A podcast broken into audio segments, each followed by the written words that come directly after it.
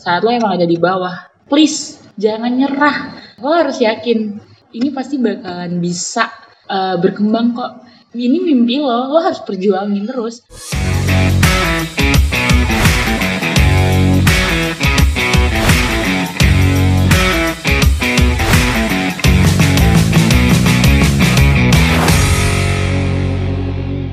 Halo teman-teman semua, baik lagi di Podcast, Bursa. Tepuk tangan dulu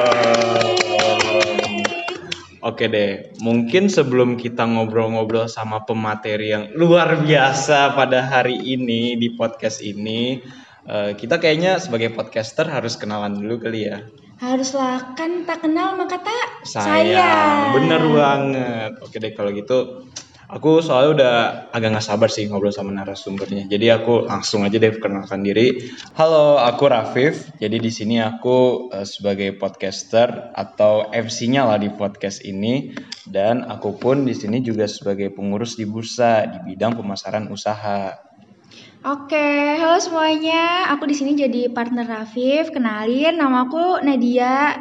Aku dari PU juga nih, sama kayak Raffi. Yoi, kita tuh FYI ya, kita sebidang. Emang kita mau bahas tema apa sih Nat di podcast kali ini? Nah, kalau di podcast kali ini tuh kita bakal bawain tema merintis bisnis nih. Oh, merintis bisnis. Bareng narasumber kita hari ini. Uh, tapi kamu tahu narasumbernya? Belum dong, makanya ayo kita kenalan nih sama narasumber kita. Sorry, tapi aku udah tahu sih. Jadi narasumber kita itu guys, FYI-nya dia juga dulu pengurus bursa. Dan yang apa ya, yang terbarunya dia tuh mantan manajer UD tahun 2020. Oh, iya, aku baru Nat. tahu loh, Viv. Makasih ya infonya. Iya, Nat, keren banget kan. Abis itu dia uh, memutuskan resign dari bursa untuk merintis. Makanya gokil gak sih, Nat? Keren. Oh. Ilmunya dapat dari bursa ya, iya, pastinya. Iya betul banget. Dia resign dari bursa tuh untuk merintis, Ra. Langsung gas gas gas gitu iya, aja. ngeng gitu kan, tiba-tiba sukses. Top banget. Mau tau nggak namanya siapa? Mau banget lah. Namanya Mbak Agi.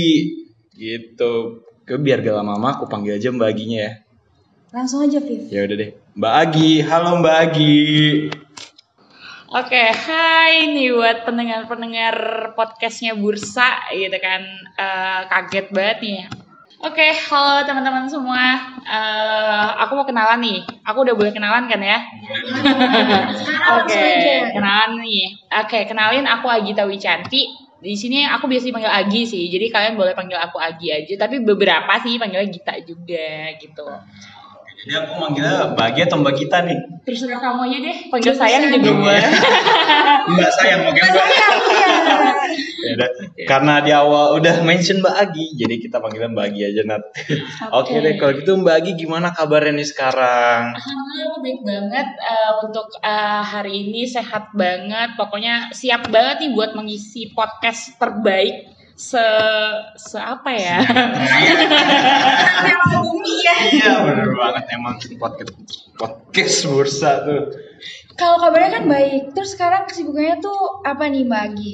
Kesibukannya pastinya untuk mahasiswa-mahasiswa semester sekarang ini ya semester semester 7 pasti nggak jauh-jauh dari outline, nggak jauh-jauh dari skripsi dan kebetulan aku juga sekarang lagi merintis usaha aku yang insya Allah sih buka bulan ini gitu. Oh gitu, ya udah deh.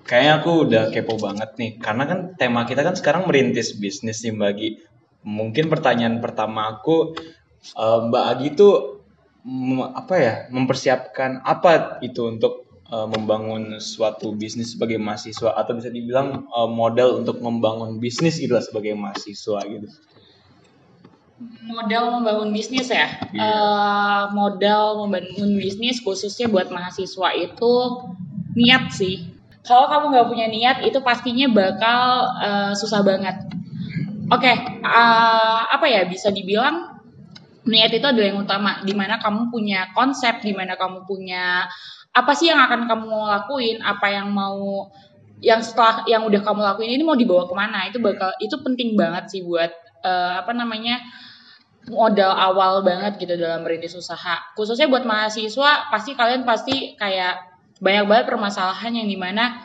yang kuliah lah, gimana cara ngeba ngebagi waktunya sama kuliah, gimana. Apalagi buat nih banyak banget aku nemuin mahasiswa-mahasiswa yang mungkin uh, terkendala sama restu orang tua nih untuk memulai bisnis. Apa yang kita sebagai mahasiswa, kita sebagai pelajar, pasti tentunya orang tua uh, nempatin kita sekolah itu ya untuk sekolah gitu, bukan untuk kerja gitu, untuk bukan untuk antar dulu deh bisnis-bisnis itu karena aku temuin banyak banget tuh dari teman-teman aku yang banyak banget kena kasus kayak gitu gitu kan. Uh, tentu ya uh, persiapannya yang pasti uh, mental sih. Karena di saat kamu dapet tekanan yang kayak gitu kamu juga harus kuat tuh untuk menerima tekanan-tekanan itu gitu. Tapi lagi tuh termasuk yang kayak salah satu ada apa ya dapat pressure dari orang tua supaya nggak boleh bangun bisnis atau malah sebaliknya malah dapat support? Enggak karena aku termasuk mendapatkan permasalahan yang seperti itu. Untuk apa ya anak cewek anak perempuan merantau di pulau orang gitu kan. Di daerah orang pastinya uh, orang tua tuh cuma pengen aku buat buat fokus untuk kuliah saat itu. Tapi namanya anaknya bandel ya gitu. Anaknya susah diatur gitu kan. Kayak uh, mau bukti ini ke orang tua gitu. Aku bisa kok sendiri gitu kan. Sampai orang tua pernah loh aku sampai dibilang gini mama tuh masih bisa loh ngebiayain kamu. Hmm. sampai sempet di titik itu gitu. Sampai sempet di titik yang kayak uh, mungkin udah gede gitu ya sama anaknya. Ya Allah anaknya bandel banget suruh belajar aja susah banget gitu kan. Jadi pernah sih di posisi itu. Jadi tapi orang tua itu sangat mendukung aku untuk berbisnis setelah selesai kuliah. Jadi pesan beliau pesan orang tua aku itu cuma satu. Selesai dulu kuliah setelah itu uh, apa pun yang mau kamu lakuin kita dukung. Kamu mau buka apa kamu mau usaha apa mama dukung. Gitu. Hmm tapi kan kata Mbak Agi uh, pas bagi selesai kuliah uh, orang tua pasti support kan gitu. Nah kan sekarang Mbak Agi kondisinya juga lagi kuliah kan, apalagi lagi skripsian sekarang nih. Terus uh, kan uh, sekarang udah mulai nih merintis bagi. Nah cara Mbak Agi ngeyakinin orang tua pas sekarang-sekarang ini gimana? Ya, itu parah banget sih. Sama, jadi uh, mungkin pengalaman aku sedikit cerita ya tentang pengalaman bisnis aku yang dulu-dulu. Dulu aku pernah pertama kali ngerintis itu di Buket Bunga.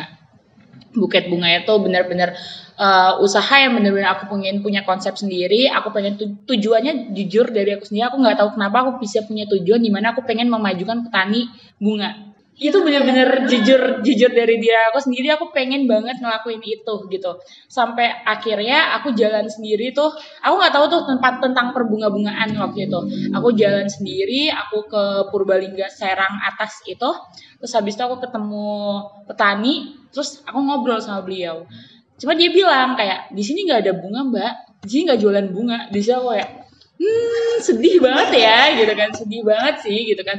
Karena memang bukan pasarnya di situ seperti itu. Terus habis itu dia bilang tapi dia akhirnya finally dia akhirnya curhat tuh sama aku kayak sedih banget mbak. Uh, apa namanya kalau misalnya beras sampai import tuh harga beras sampai turun banget gitu. Dan kita tuh para petani bener-bener yang kayak nggak tahu harus ngapain harga anjlok harga dia ujungnya rugi gitu kan. Di situ tuh aku mikir kayak ya kasihan banget ya mereka-mereka nih yang berjuang buat kita-kita tapi tuh kitanya nggak berjuang baik balik buat mereka gitu kan. Dulu tujuan aku tuh pengen majuin petani bunga, tapi sayangnya emang di sini nggak ada terus habis tuh udah cukup untuk uh, bunga gitu. Akhirnya uh, aku mulai tuh sesuatu yang baru bareng sama temen aku. Tapi akhirnya bunga jalan sih, bunga tuh jalan beberapa bulan, hampir setahun uh, sendiri bener-bener otodidak sendiri gitu. Terus habisnya berjalan pada bisnis uh, kuliner masuk F&B tuh udah mulai gue waktu itu jualan dimsum gitu sama temen. Ada sih dia dia ini apa namanya uh, mantan pengurus juga gitu. Karena kita klop gitu klop banget. Buat apa sih? Kita tuh pengen temenan yang menghasilkan. Gitu sekarang kalau temenan gak produktif tuh kayak buat apa gitu kan? sia-sia waktunya parah. Kayak nongkrong nongkrong atau apa kita dulu ya Allah duit gue ke mana? Gitu kan setelahnya. Terus terus setelah itu mulai itu uh, kayak masuk F&B tapi uh, waktu itu akhirnya uh, mutusin buat ngelamar kerja di salah satu coffee shop di Purwokerto gitu. Nah itu juga karena diajak temen temen aku daftar di bagian barista dan aku disuruh daftar bagian cook. Aku bener-bener nggak paham ya untuk job desknya apa. Aku nggak tahu persyaratannya. Bahkan aku nggak buka flyernya. Aku cuma suruh nyiapin ini dan aku kirim saat itu. Terus kok aku keterima gitu, aku juga aneh gitu. Padahal untuk masak nasi aja aku bisa gagal empat kali loh.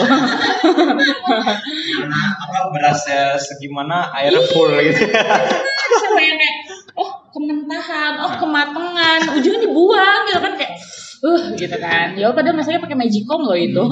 Terus habis itu eh akhirnya ngerasa kayak eh apa ya oh enggak sorry abis itu akhirnya kita eh, terus abis itu aku eh di situ tuh megang di bagian cook eh, dan sekaligus jadi eh, finance koordinator di sana biasanya. Terus habis itu akhirnya aku mulai memahami nih karena itu sebuah itu merupakan coffee shop yang baru akan opening di Purwokerto. Jadi aku ngerasa saat aku masuk situ tuh ilmu yang aku dapat banyak banget gitu. Kayak dari gimana nge-manage karyawan gimana cara untuk apa namanya nge-manage bagian operasional gitu. Jadi itu banyak banget ilmu yang aku dapat gitu. Karena dari nol banget jadi kayak gimana cara, cara ngebuat sistem. Bahkan waktu itu aku sempetnya ngebuat sistem untuk eh, pencatatan eh, stok outnamnya eh, operasionalnya gitu. Bahan bakunya apa aja gitu. Jadi itu banyak banget yang aku pelajarin di situ gitu kan Terus eh, setelah akhirnya eh, selesai tuh di coffee shop yang di Purwokerto, akhirnya aku memutuskan aku enggak di situ aku menemukan teman-teman yang aku rasa ya Allah, gila nih aku cocok banget nih sama mereka. Gitu ya? Banget gitu kan banget gitu. Kayak pulang kerja nih kita bisa yang kayak ngobrol 3 jam 4 jam sambil makan gitu selesai kerja sambil makan habis itu udah bercanda-bercanda tapi kayak apa ya seiring berjalannya waktu ya kita klop aja gitu kan. Terus abis itu eh, karena memang aku cocok dan akhirnya eh, memulailah bisnis eh, kita bertiga nih. Kita ada bertiga tiga orang. Aku boleh sebut namanya ya? Oke, aku boleh sebut namanya. denger dong. Pokoknya harus.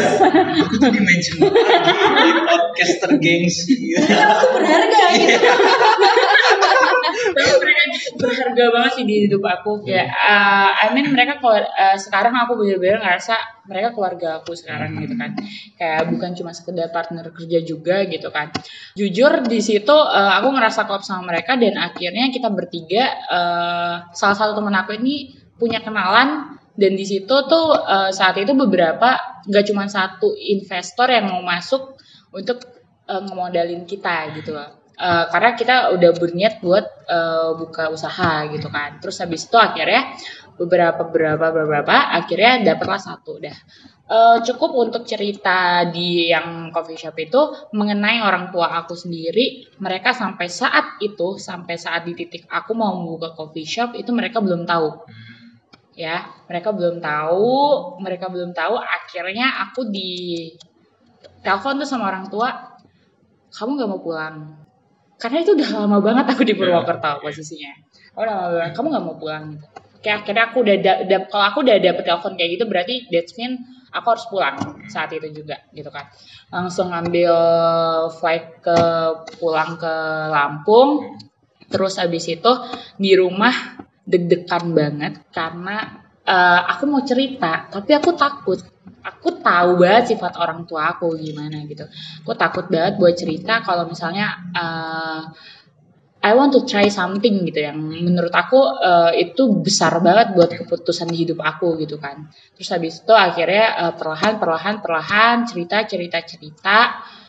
Mungkin awalnya nggak terima ya apalagi mindset orang tua di mana coffee shop itu tempat nongkrong pasti banyak tuh orang tua orang tua yang kayak negative thinking lah soal hal itu gitu kan.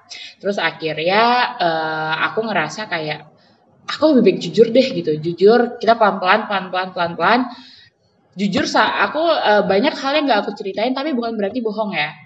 Tapi nggak belum aku ceritain gitu terus eh, mereka tuh taunya aku di Purwokerto sampai saat ini gitu kan. Eh, terus habis itu akhirnya dapat laporan lah dari tetangga aku yang aku ceritain kalau aku mau buka coffee shop di Pema- Pemalang gitu kan. Terus aku ditelepon kamu di mana? Gitu kan. Kamu di mana? Terus aku bilang "Eh, lagi cari makan. Kok kata ini kamu di Pemalang? Gitu kan. Aku langsung kaget dong kayak tahu gitu kan. Kok tahu nih gitu kan. Langsung eh di situ tuh mereka langsung kaget ya kaget ya mungkin anaknya kenapa sih jauh-jauh? Gitu kan di Pemalang gitu. Ya karena eh, banyak hal sih yang memutuskan kita harus di Pemalang gitu. Eh, bukan ya banyak hal bukan bukan harus tapi kenapa banyak hal yang memutuskan kita memilih Pemalang gitu. Uh, terus habis itu akhirnya uh, meyakinkan orang tua pelan-pelan akhirnya aku cerita dengan jujur oh ya gini gini gini gini kondisinya. Karena sebenarnya untuk kondisi kenapa di Pemalang itu orang tua aku mau aku kasih tahu nanti. Bukannya aku mau bohong ya tapi mau aku kasih tahu nanti gitu. Terus uh, pelan-pelan deh. Jadi buat kalian nih ya yang di posisi-posisi eh apa ya posisinya tuh emang kurang bagus sama orang tua untuk hal bisnis gitu usaha kalian yang pengen usaha tapi kurang dapat restu dari orang tua ya saran aku kamu harus coba buat ngasih tahu mereka tapi pelan-pelan. Dan jujur sih karena eh kalau lo terus-terusan bohong kalau kamu terus-terusan bohong tuh akan makin perbanyak masalah gitu. Karena sometimes aku pernah di akhirnya aku menerima apa namanya eh, saran dari temen aku paling dekat gitu kan di sana. Terus habis itu aku ngerasa oh iya dia benar. Aku nggak boleh terus-terusan buat nutupin ini dari keluarga. Cobalah untuk terbuka sama keluarga gitu. Mungkin awalnya mereka akan ngerasa kayak ih ngapain sih? gitu kan. Tapi insya Allah kalau mereka pasti akan ngerti gitu. Aku tahu Pak, setiap orang tua pasti beda-beda tapi nggak ada nggak ada salahnya kok buat nyoba gitu. Cari ngasih tahu gitu Eh, BTW tadi kan udah ngobrol banyak ya. Tadi temennya yang tiga itu belum di-spill ya kayaknya. iya. Mungkin bisa. Aku kasihan banget sama mereka. Kita persilahkan namanya. Namanya, namanya. itu eh, keluarga aku banget sih yang aku anggap sekarang jadi keluarga aku banget. Sebu- bukan cuma keluarga sih sebenarnya. Sosok kakak banget. So- sosok kakak yang satunya sosok eh, cowok yang rada nakal gitu. Tapi yang satunya adalah sosoknya sosok kakak buat aku gitu. Namanya Adam Anafi sama Rehan Asyam Raffi gitu. Yang satunya dia anak hukum tahu Hah, hukum unsur anak 17 gitu. Sekarang lagi eh, skripsian juga. Jadi kita sama-sama kayak ah Pema- Pemalang Purwokerto Pemalang Purwokerto banget. Seru banget ya. Tadi kan kita juga ngobrol-ngobrol nih tentang investor ya Mbak Agi. Nah di sini aku mau tanya sih gimana sih cara Mbak Agi tuh dapetin modal dari investor nih buat bisnisnya Mbak Agi yang sekarang. Soalnya kalau misalkan kita sebagai mahasiswa kan ya ibaratnya belum tahu apa-apa. Kita juga Bener. kayak kuliah, organisasi, sampai pusing. Bener, belum bener, sempet bener. lah kita mikirin tentang investor dan lain-lain gitu. Nah cara Mbak Agi tuh gimana? Sebenarnya bukan cara aku tapi cara tim aku untuk meyakinkan orang-orang di luar sana the, the real leader kami bukan aku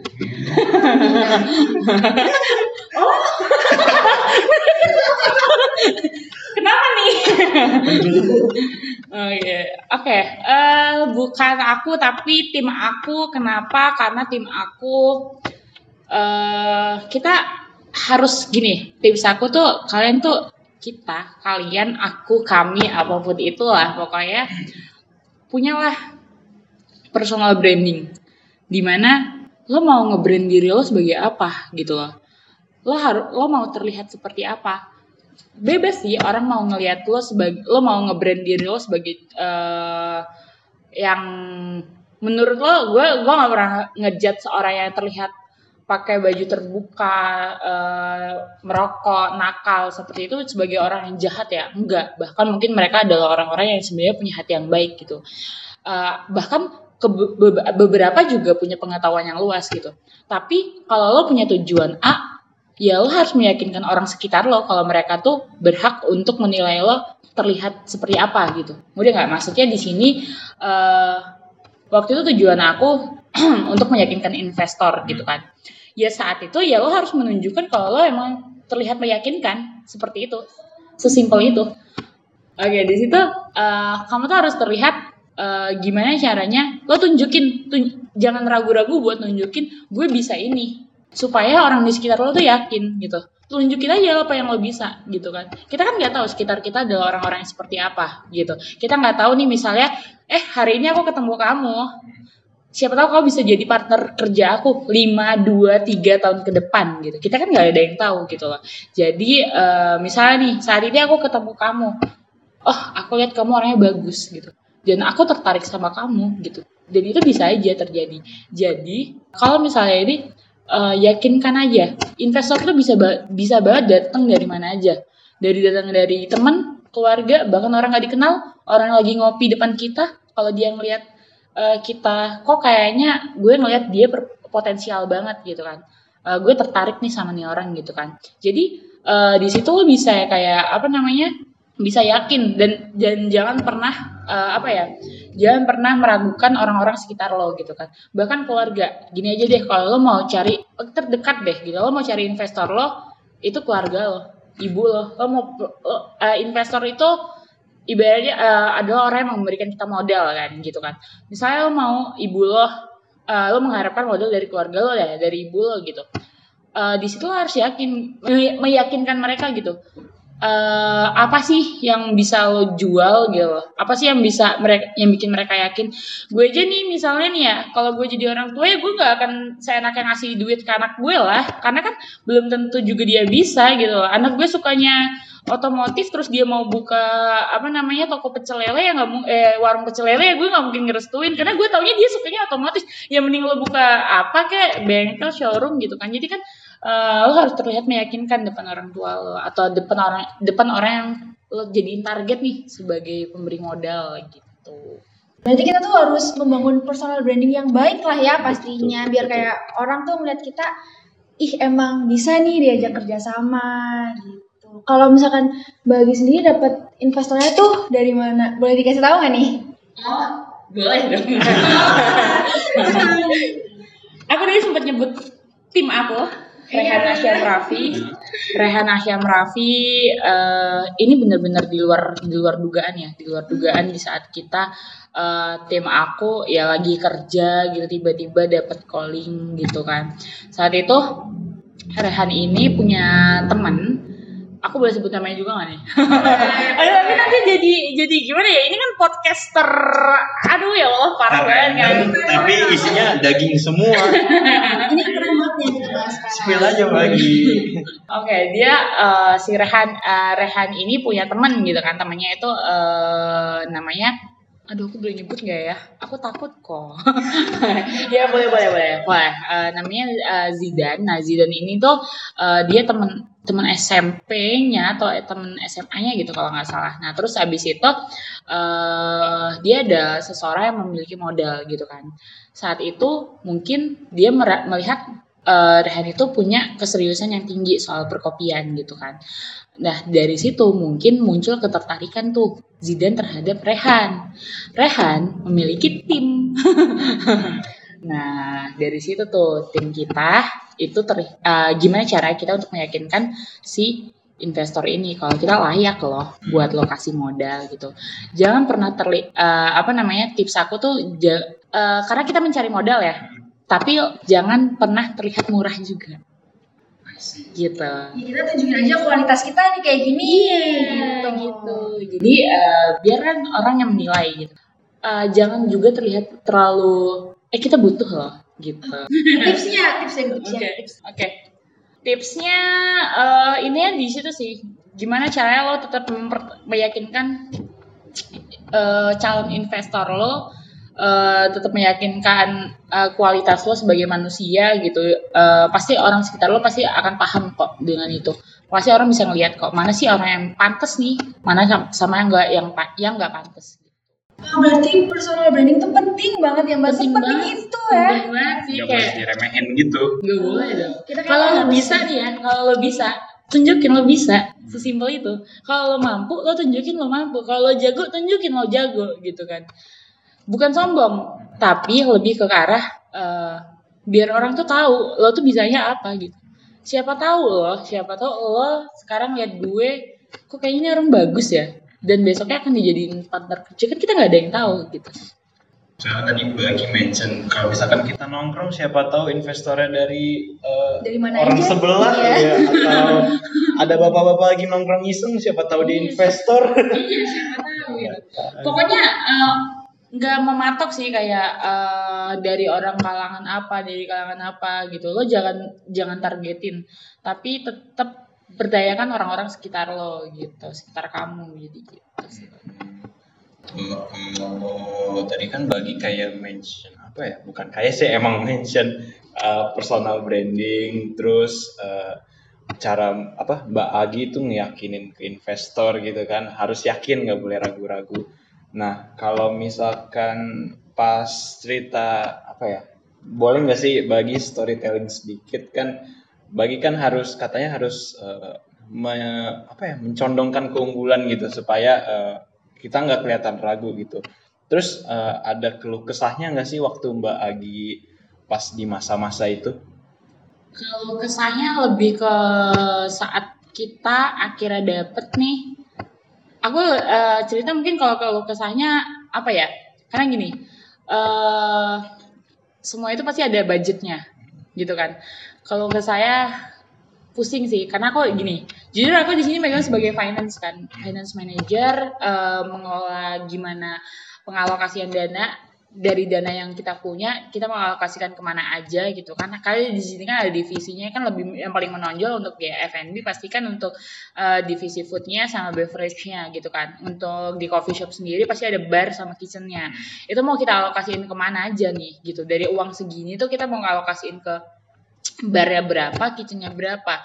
Tapi kan investor nggak mungkin jor-joran ngasih segini gitu kan. Pasti dia ada budgetnya sendiri gitu. Nah itu sih susahnya tuh di eh mau alokasiin berapa nih, mau budgetin berapa nih. Kan pasti butuh dana dana cadangannya, pasti butuh eh apa ya, butuh butuh ini. Kalau misalnya nih kayak eh duitnya cukup buat beli mesin segini harganya tapi kan untuk penyusutannya kan juga makin gede dan itu harus perlu dipertimbangkan sih. Jadi nggak yang semena-mena eh, beli beli beli gitu kan. Lo lihat dulu eh, gimana penyusutannya gimana garansinya. Jadi kayak gitu sih Hmm, ada yang kenyang ya bu?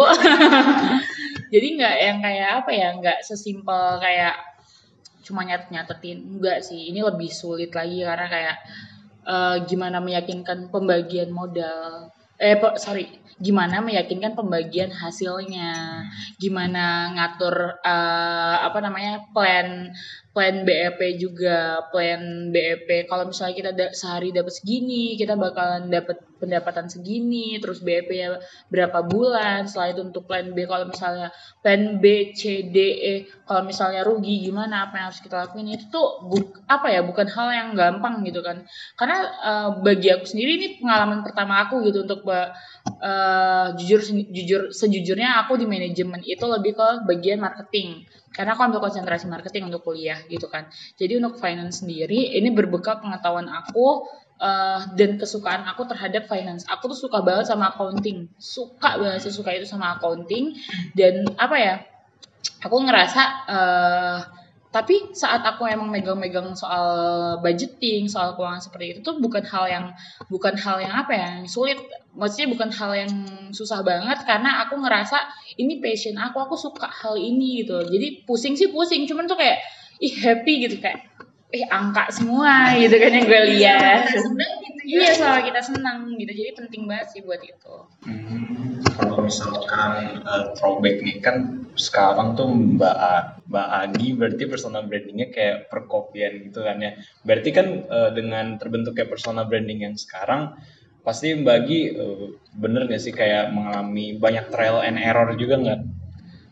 Banyak sih maksudnya eh, kadang aku sampai berpikir tahu kenapa ya orang-orang kayak pernah nih orang-orang kayak ada yang ngechat aku kayak tolong dong kasih saran ke gue eh, kalau misalnya gue eh, di sini gimana? Gitu lo kan udah expert banget nih di dunia coffee shop katanya hah? Gitu kan tapi kan kayak menanggung beban it- perkataan itu tuh kayak berat banget loh bagi aku karena tuh ngerasa yang kayak ih aku nggak se nggak se expert itu cuy gue baru berapa tahun gue baru baru ini tuh portofolio pertama tim gue gitu. Ini tuh portofolio tim pertama tim gue. Jadi kayak ngerasa eh apa ya ngerasa nggak pantas aja kadang kalau misalnya ada orang yang bilang kayak gitu gitu. Cara Mbak Agi ngehadapinnya tuh gimana? ngadepinnya kayak sebenarnya gini ya orang tuh pasti punya insecure masing-masing. Gue sendiri pasti Iya, kan pasti. Pasti. dong pasti dong gitu. Gue ngerasa gue nggak pantas aja dibilang kayak gitu gitu. Pernah ada teman gue yang bilang bahkan ada pernah teman gue bilang kayak tapi itu jadi jadi ini sih buat gue kayak lo tuh belum segede itu. Ada yang bilang kayak gitu gitu. Eh, karena eh, mungkin saat itu saat itu gue eh, lupa gue lagi ngomong apa tapi omongan dia seperti itu tuh bener-bener bikin gue bukan down tapi malah bikin gue oke gue akan tunjukin loh kalau gue bisa bisa sampai di titik itu. Di titik yang lo yang lo anggap apa ya yang lo anggap lo tuh belum di situ gitu Eh, jadi cara ngadepinnya sih kalau dari gue sendiri eh, gue akan apa ya ah banyak hal sih. Kadang gue akan merenung dulu pastinya. Gitu mau- gue bakal merenung dulu aku bakal merenung dulu. Kayak eh, gue nggak pantasnya di mana nih? Gue susahnya di mana nih? Gitu kan. Apa yang harus gue lakuin? Gitu kan pastilah orang-orang pasti akan ngerasa itu dan jawabannya tiap orang kalau lo tanyain pasti nggak nggak jauh-jauh dari itu sih pasti gitu Oke, kita kan udah ngobrol lama banget ya, nggak berasa. setengah jam Tapi seru banget kan, Iya. isinya tuh bener-bener kita bisa ambil lah semuanya dari pertama tadi modal. Yang pertama tuh kalau Hmm. mahasiswa mah karena kalau misalkan belum punya duit ya niat dulu aja. Yang Iya. penting mulai dulu. yang penting mulai terus punya cita-cita nah Nah, kalau kita nggak mulai ya gimana kita mau tahu hasilnya gitu Iya. kan. Terus kalau misalkan tentang investor tadi nih, berarti ya Viv kalau misalkan kita walaupun kita baru kuliah semester 3 kan ya, Hmm. kita harus pinter-pinter uh, meyakinkan orang nih kita harus membangun betul personal branding lah. Betul Soalnya kita nggak tahu nih investor tuh datang dari mana. iya betul. Dari coffee shop, Betul. dari burjo, Be- kita nah nggak tahu gak tahu. Mah tetap bersikap baik lah personal branding personal branding gitu nomor Iya. satu gitu Jadi eh, buat teman-teman pendengar podcast mulai dari sekarang harus fokus bentuk personal brandingnya Nat. Iya, itu nomor satu Iya, jangan sampai apa ya dibilang terlambat, bukan terlambat sih. Gak ada yang terlambat Iya, dong jadi jangan terlalu lama. Kalau bisa dimulai sejak dini, kenapa enggak gitu? langsung aja guys kita harus membangun personal branding kita terus kalau misalkan nih kita udah punya personal branding baik kita juga udah mulai menjalankan kalau misalkan kita punya kesulitan ya ya hadapi aja lah Iya. ya kita pasti bisa menemukan jalan keluar nih kayak Betul. tadi ceritanya Mbak Agi kan udah naik turun gitu dari buket sampai sekarang akhirnya alhamdulillah lagi ngebangun coffee shop nih Iya. sangat menginspirasi ya buat mahasiswa-mahasiswa Inspirasi. sangat banget dan ini pasti kan yang kalian semua tunggu-tunggu pesannya Mbak Agi nih buat mahasiswa yang mau merintis usaha. Nah, Oke. Kayaknya dua rekan aku senang banget nih. Udah di sesi terakhir. oh, nanti iya. kita ngobrol di belakang ini sih. Yuk semangat yuk.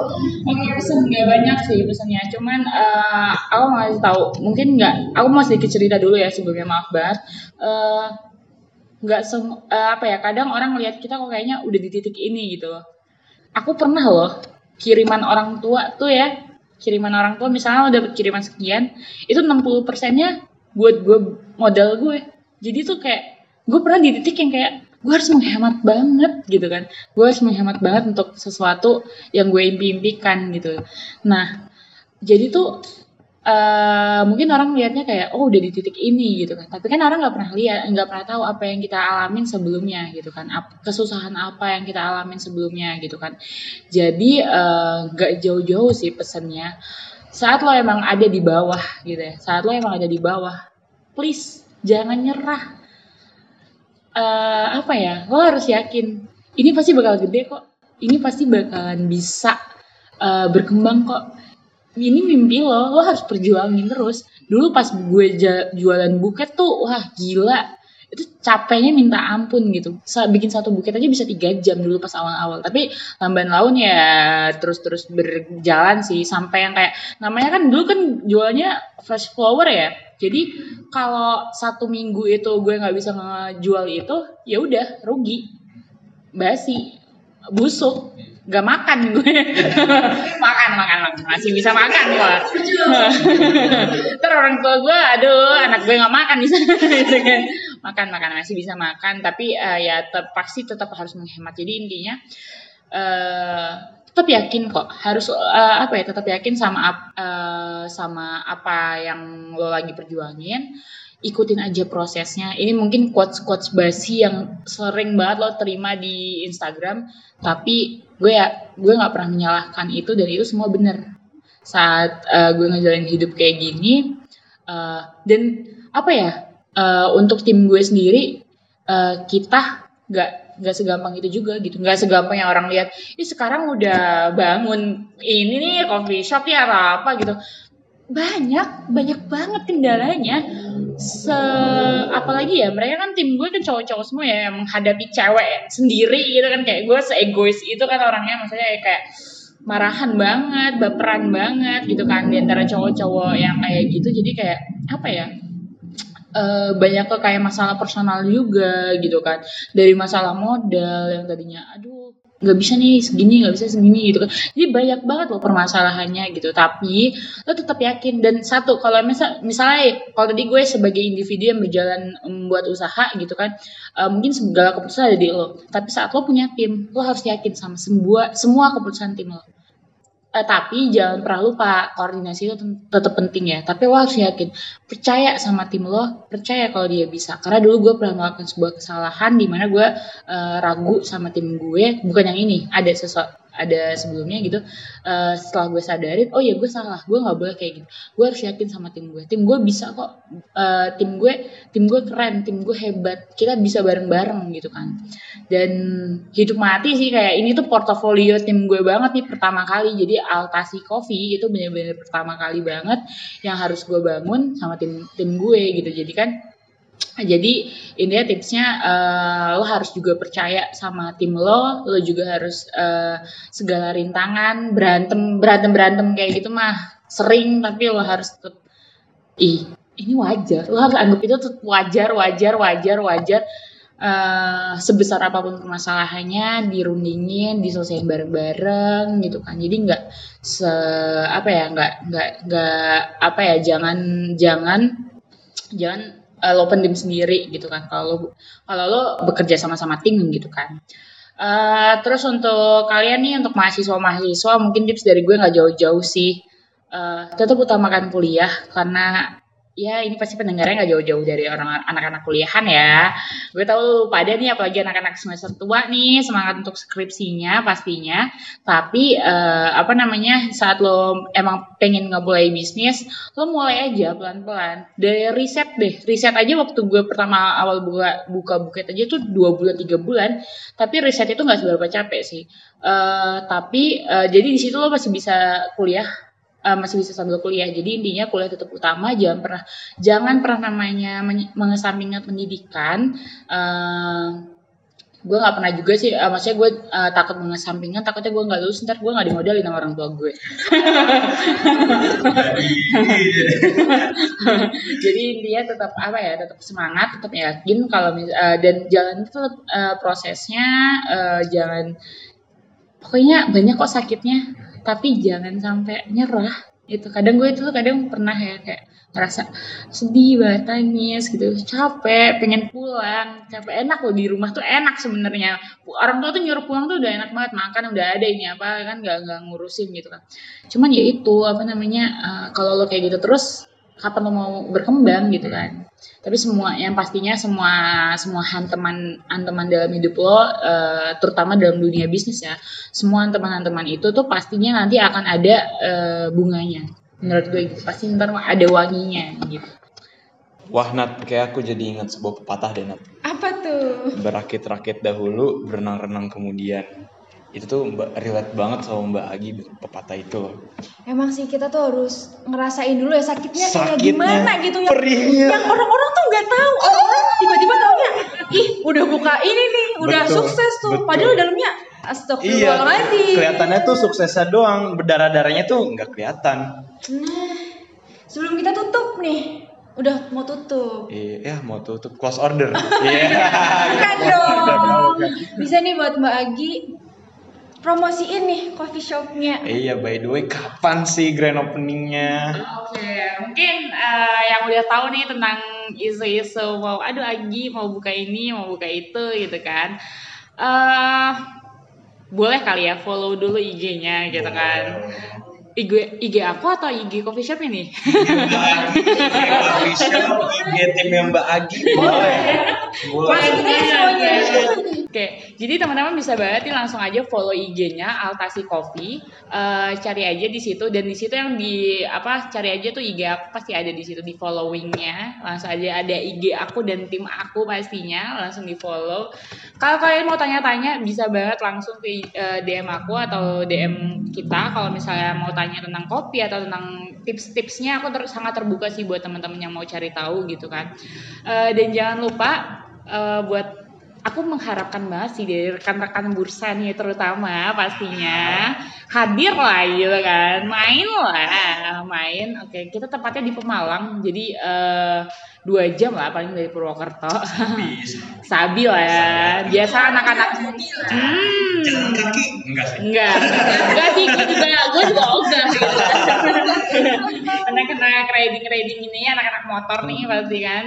Eh, Sabi kali ya main-main ke Altasi Coffee nantinya. Eh, kita ada di Pemalang, tepatnya ada di eh, daerah alun-alun. Pokoknya nggak jauh-jauh sih dari alun-alun. Eh, bisa aja langsung cari di Google Maps atau di Google Altasi Coffee. Eh, untuk openingnya sendiri bisa bisa apa sorry untuk openingnya sendiri itu rencananya kita ada di tanggal 29 Oktober 2021 dan so gue tunggu kalian semua untuk hadir di sana berbincang-bincang dengan gue dan tim gue main-main lah pokoknya OTW nggak sih? Gas, bentar lagi banget. Iya, OTW sih. Dari sekarang? nggak bisa Oh, nggak bisa. Masih ya, masih tapi tapi by the way Mbak Agi kan tadi DM aja gue Mbak Agi belum mention di podcast nih nama IG-nya nggak mau Oke bisa DM gue atau follow gue nanti di @agita.wicanti, agita titik wicanti. Di situ kalian bisa DM aku aja nanti kalau mau tanya-tanya atau apa terserah gitu. Oke kalau gitu siap deh Mbak Agi pasti insya Allah kita main ke Altasi Coffee Kita juga belajar ya soal perkopian gitu kan. Iya. Anak-anak muda kan ngopi ngopi ngopi mulu. nggak tahu gitu. ilmunya Iya, itu gitu. ngopi doang Gitu, jangan jadi pula Iya. gitu ya, pemain Nah, bisnisnya betul gitu kan. Keren tau, ayo dong. tahu kalau misalkan kita punya coffee shop nih Nat Keren dong pasti. keren dong pastinya Bursa punya coffee shop juga keren dong. iya Gitu. bursa coffee Keren soon. Di depan sana kita tenda. Iya. 32 Februari. Gak ada. Gak ada. Jangan dong, jangan dong. Pokoknya ada lah tanggalnya suatu saat. Nanti gue tunggu banget nih. Siapa tahu dari bursa kan nanti ada lini usaha baru gitu kan. Coffee shop gitu untuk rekan-rekan mahasiswa FEB pastinya. Gitu kan. Ditunggu banget nih lini usaha barunya nih. Halo, halo, operasional sama presiden direktur ini tolong didengar ya. Mungkin kita itu iya. Kerjasamanya. Iya, mungkin saran ini bisa menjadi pertimbangan untuk bursa ke depannya. Iya. Bisa. Bisa banget. Ayo. Ah, yaudah.